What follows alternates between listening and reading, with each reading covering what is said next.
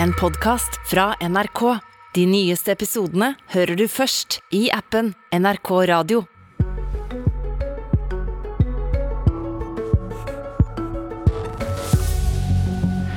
Regjeringa sier den vil ha et bredt politisk forlik på Stortinget om krisepakka etter Ukraina-krigen. Men er regjeringspartiene villige til å gå med på noen av kravene de møter? Og er det egentlig mulig å innfri høgst ulike ønsker? Det får vi forhåpentligvis noen signal om når Senterpartiet møter svært forskjellige forventninger her i studio, fra Frp og fra MDG. Det handler om budsjettkonsekvensene her i landet av krigen. 1.4 presenterte finansminister Vedum et forslag om å bruke 14,4 milliarder kroner ekstra.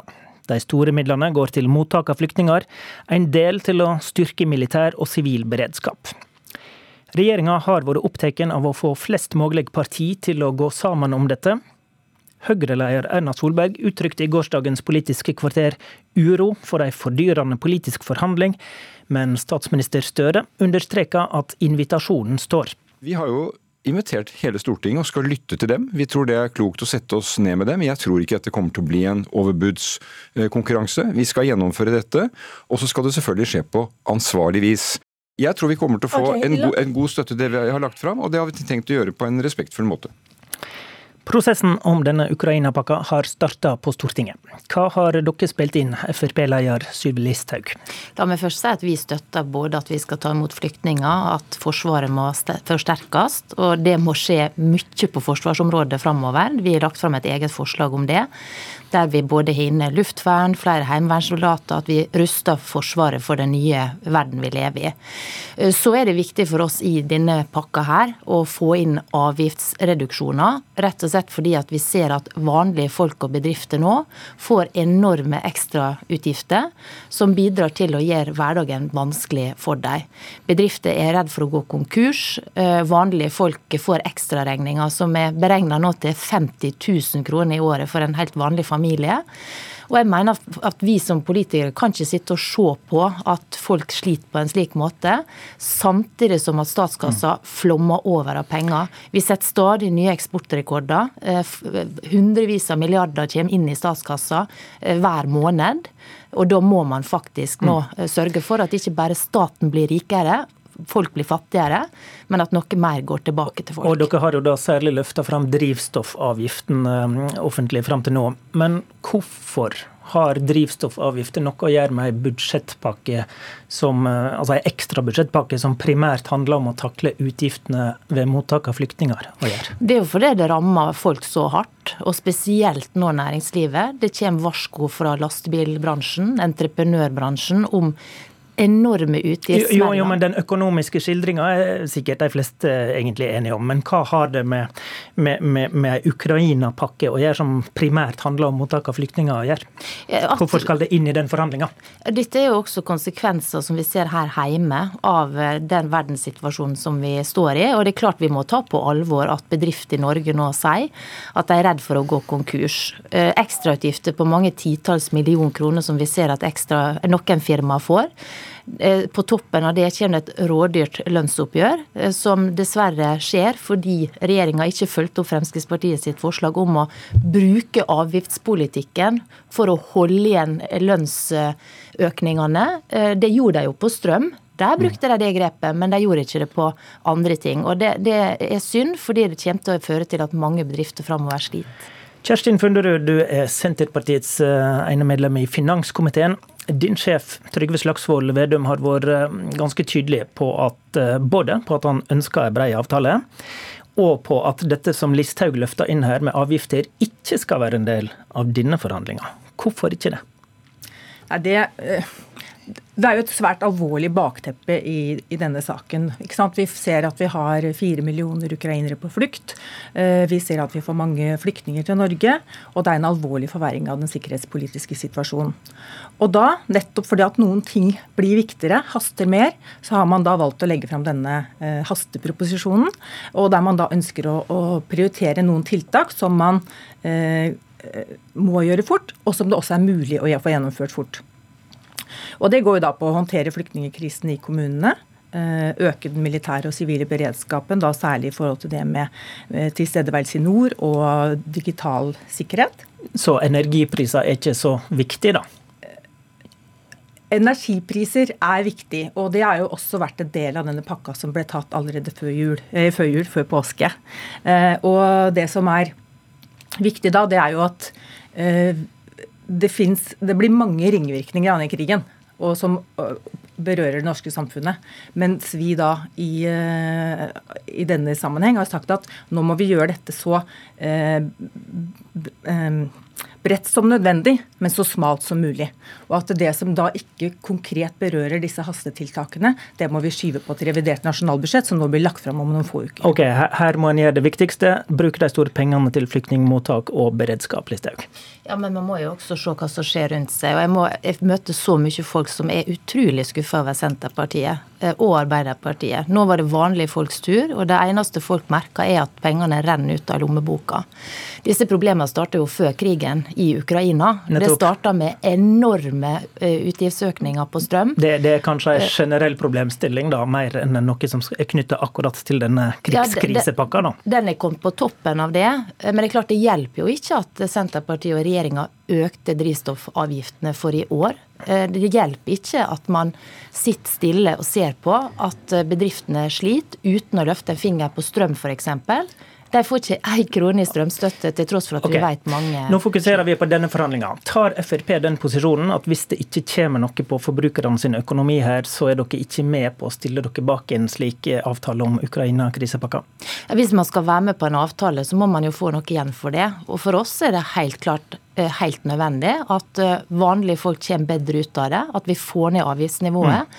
Og at vi snur nå denne tankegangen om at det skal deles ut almisse til folk, og heller la folk få beholde mer av sine egne inntekter, sånn at de kan greie seg sjøl. Og det kommer til å være mange som sliter framover, og, og, gjør det allerede. Ok, Så, så, så er dette et ultimatum, eller hvordan tenker du? Altså, ja, vi er jo ikke med ikke på det, ja. Vi er ikke med på et forlik uten at det gir noe noe til vanlige folk i form av lavere avgifter, fordi vi ser okay. det at uh, situasjonen er så alvorlig der ute. Funder du på klippet med Støre i starten her, så sier han jeg tror vi kommer til å få god støtte til det vi har lagt fram. Eh, betyr det at de andre partiene her bare må finne ut om de vil støtte dette, eller vil det faktisk skje en reell forhandling der dere kan være interessert i å gi f.eks. Listhaug noe på avgifter? Det er en lang og god tradisjon i Norge for at vi står sammen når det er krise. Og de strakstiltakene som er lagt fram i proposisjonen Jeg har ikke hørt noen partier som er uenig i at dette er viktige tiltak. Nei, Det, det støtta Listhaug eh, her i starten også, men nå har noen andre krav. Vil du gi noe? Om de kommer til å stemme imot de forslagene hvis ikke de får eh, flertall for det som eh, de også har av sine egne partipolitiske standpunkter. Det hørtes slik ut. Så da er spørsmålet. Altså, og det vi sier er jo at da kommer vi tilbake til det om kort tid i revidert, for det vil jo være mange andre tiltak også som vil bli berørt av det vi står oppe i nå. Drivstoffpriser er én ting, men det er også mange andre samfunnsområder men som er berørt. og som vi må komme men tilbake spørsmålet er, Funderud, Kommer dere til å reelt gi noe i forhandlinger i denne Ukraina-pakka? Det er ikke lagt opp til forhandlinger om Ukraina-pakka. Okay. Det er lagt opp til en vanlig komitébehandling, og der alle partiene er invitert til å, å være med på et bredt forlik om de tiltakene som okay, Så de må bare take it or leave it, da? Det, det blir, man vil selvfølgelig lytte, og partiene i posisjonen, Arbeiderpartiet og Senterpartiet, vil selvfølgelig lytte til det alle partiene har. Jeg tenker jo at vettet er ganske jevnt fordelt, og at det kan være ting som er innafor det man snakker om nå, hastetiltak som er mulig mulig å gjennomføre raskt, og som man da kan eh, noen, andre, partier kan ha tenkt på å lure ting som også bør inn i. Men det er forskjell på det å bredde ut pakka til oss gjelde alt mulig andre ting. Da, hvis jeg kan få oppklare det jeg har lyst til å gjøre, og det er at vi støtter både at vi skal bevilge mer penger til eh, å ta imot flyktninger, forsvar, men jeg syns det er underlig at man nå sier det ikke skal være forhandlinger, for det er jo det som vi andre i hvert fall oppfatter at skulle skje når denne pakka ble framlagt, men da har tydeligvis regjeringa ombestemt seg. Rasmus Hansson, stortingsrepresentant for MDG. Vi skal komme til kravene fra MDG, men aller først, tenker du det er et poeng å få til en brei avtale som hele Stortinget står bak? Ja, eh, det syns jeg er et eh, godt initiativ. Og vi syns også at eh, ramma og hovedinnholdet i pakka er godt, så vi ønsker å bidra til det. Eh, og så er det helt riktig at det kan hende at andre partier har gode uh, tilleggsideer. Vi har. Uh, og det håper jeg skal få komme tilbake til nå. Hva, ja, hva hører, men hva hører du om forhandlingsviljen her, du da? Jeg tror jeg hører at, at, regjeringspartiene er fullt klar over at hvis de skal få seg et flertall bak denne pakka, så må de snakke med andre partier. Men vi er jo helt enig i at her er vi nødt til å skille mellom de helt nødvendige tiltakene som vi må sette inn for å skjerme folk i Norge mot konsekvensene av de prisendringene som kommer nå, og den helt akutte pakka for uh, oppfølginga i Ukraina-krisa, som vi nå snakker om. Vi skal, ta, vi skal ta um, det dere har spilt inn. MDG er et av flere partier som har kravd at utgiftene i denne pakka ikke må bli henta fra bistandsbudsjettet, slik regjeringa har sagt den skal gjøre. Hvorfor kommer det kravet?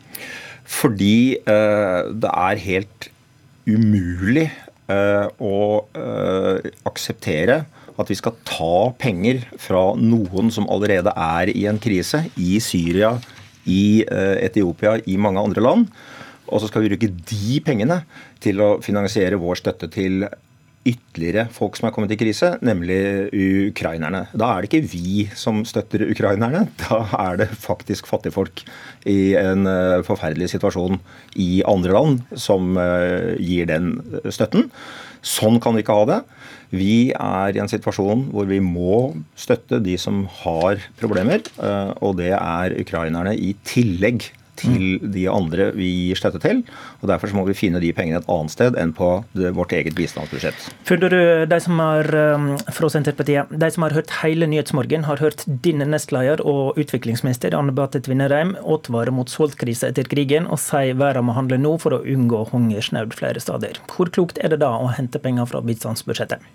Nå er det jo sånn at uh, I proposisjonen så er det ikke sagt noe om hvor de 14,4 milliardene skal dekkes inn. Ja, Men dere sier at dere vil hente noe, noe fra bistandsbudsjettet. Det er en mulighet man har uh, i disse reglene som gjelder for bistand. At man første år i en situa uh, ny situasjon kan bruke penger til bosetting av flyktninger til, um, fra bistandsbudsjettet. Men ja, ja det, det, er mulig formelt, bare, men er det klokt? Det er jo det Rasmus spiller. Det er jo spørsmålet, og det som utenriksministeren har sagt, uh, hvert fall, det er at, nei, utenriksministeren har sagt, det er at uh, bistand til Ukraina-krisen ikke skal gå på bekostning av andre humanitære kriser i verden og langsiktig utviklingsinnsats. Og det er også sånn som Når Anne Beate Kristiansen Tvinnereim har vært ute og sagt, så er det jo nettopp det at vi er veldig opptatt av matsikkerhet. Det kan bli en eh, matkrise i verden, og da skal mm. selvsagt vi inn og bistå der så godt vi kan på alle områder. Uavhengig av hva vi gjør nå i forhold til flyktningsituasjonen. Bistandsbudsjettet er over 40 milliarder, Hansson. Det er vel mulig å bevare matvarestøtte og fortsatt hente nok til å hjelpe altså, ukrainere i Norge? Bistandsbudsjettet fins fordi det trengs til svært mange andre mennesker i uh, verden som er i en, uh, i en umulig situasjon. Og vi må huske på at Norges rikdom i stor grad kommer fra at vi handler med en eh, verden rundt oss som fungerer. Derfor er jo den bistanden en fornuftig investering i en eh, verden som vi også selv tjener på. Og Når det da kommer et, en tilleggskatastrofe, som Ukraina er, så må vi bevilge tilleggsmidler for å løse den krisen, ikke hente det fra ja, penger som går til andre fattige. Sier du bistandsbudsjettet skal øke? Nei, jeg sier at, uh, jeg sier at vi, det vi skal uh, finansiere denne, denne, krisepakka for Ukraina med, det må komme fra andre steder enn bistandsbudsjettet. Men jeg vil bare føye til at nå hører jeg jo en veldig interessant og konstruktiv åpning fra uh, regjeringspartiene om å snakke om hvorvidt man faktisk skal ta penger fra bistandsbudsjettet okay. eller ikke. Men, og det kommer vi til å arbeide på basis av. Uh, og jeg syns jeg hører at her er det forhandlingsrom og muligheter til å men komme til en fornuftig løsning. Men Listhaug, du mener Senterpartiet ikke bør lytte til MDGs bistandskrav? Nei, det er over 40 milliard kroner brukes på bistand. Det går til en masse land, til en masse prosjekt. Nå må det prioriteres. Eh, og la pengene gå til det viktigste først. Og så er det veldig rart også å sitte og se på at vi kan gå inn i en matvarekrise, mens regjeringa har brukt hele våren på å følge situasjonen nøye i norsk landbruk. Vi ser nå svært alvorlige tilbakemeldinger på det. Vil, eh, men, men det, det, er, vil, er, det mange som stusser på. Jeg vil helt til slutt, Funderud, uh, høre med deg kort. SV, forhandlingspartneren deres, deler Hansson sitt syn på bistand. Gjør det at du er mer villig til å høre på det enn på kravene fra Listhaug? Kort? Vi vil nå eh, ta den diskusjonen som er i Stortinget akkurat nå om denne hasteproposisjonen. Og, vi ønsker jo da en bredt forlik om det. Og så vil vi ta diskusjonene der, og så vil vi da ta de vanskelige diskusjonene om prioriteringer når vi kommer tilbake til det i Ok, revidert. Takk til alle tre. Du har hørt en podkast fra NRK. De nyeste episodene hører du først i appen NRK Radio.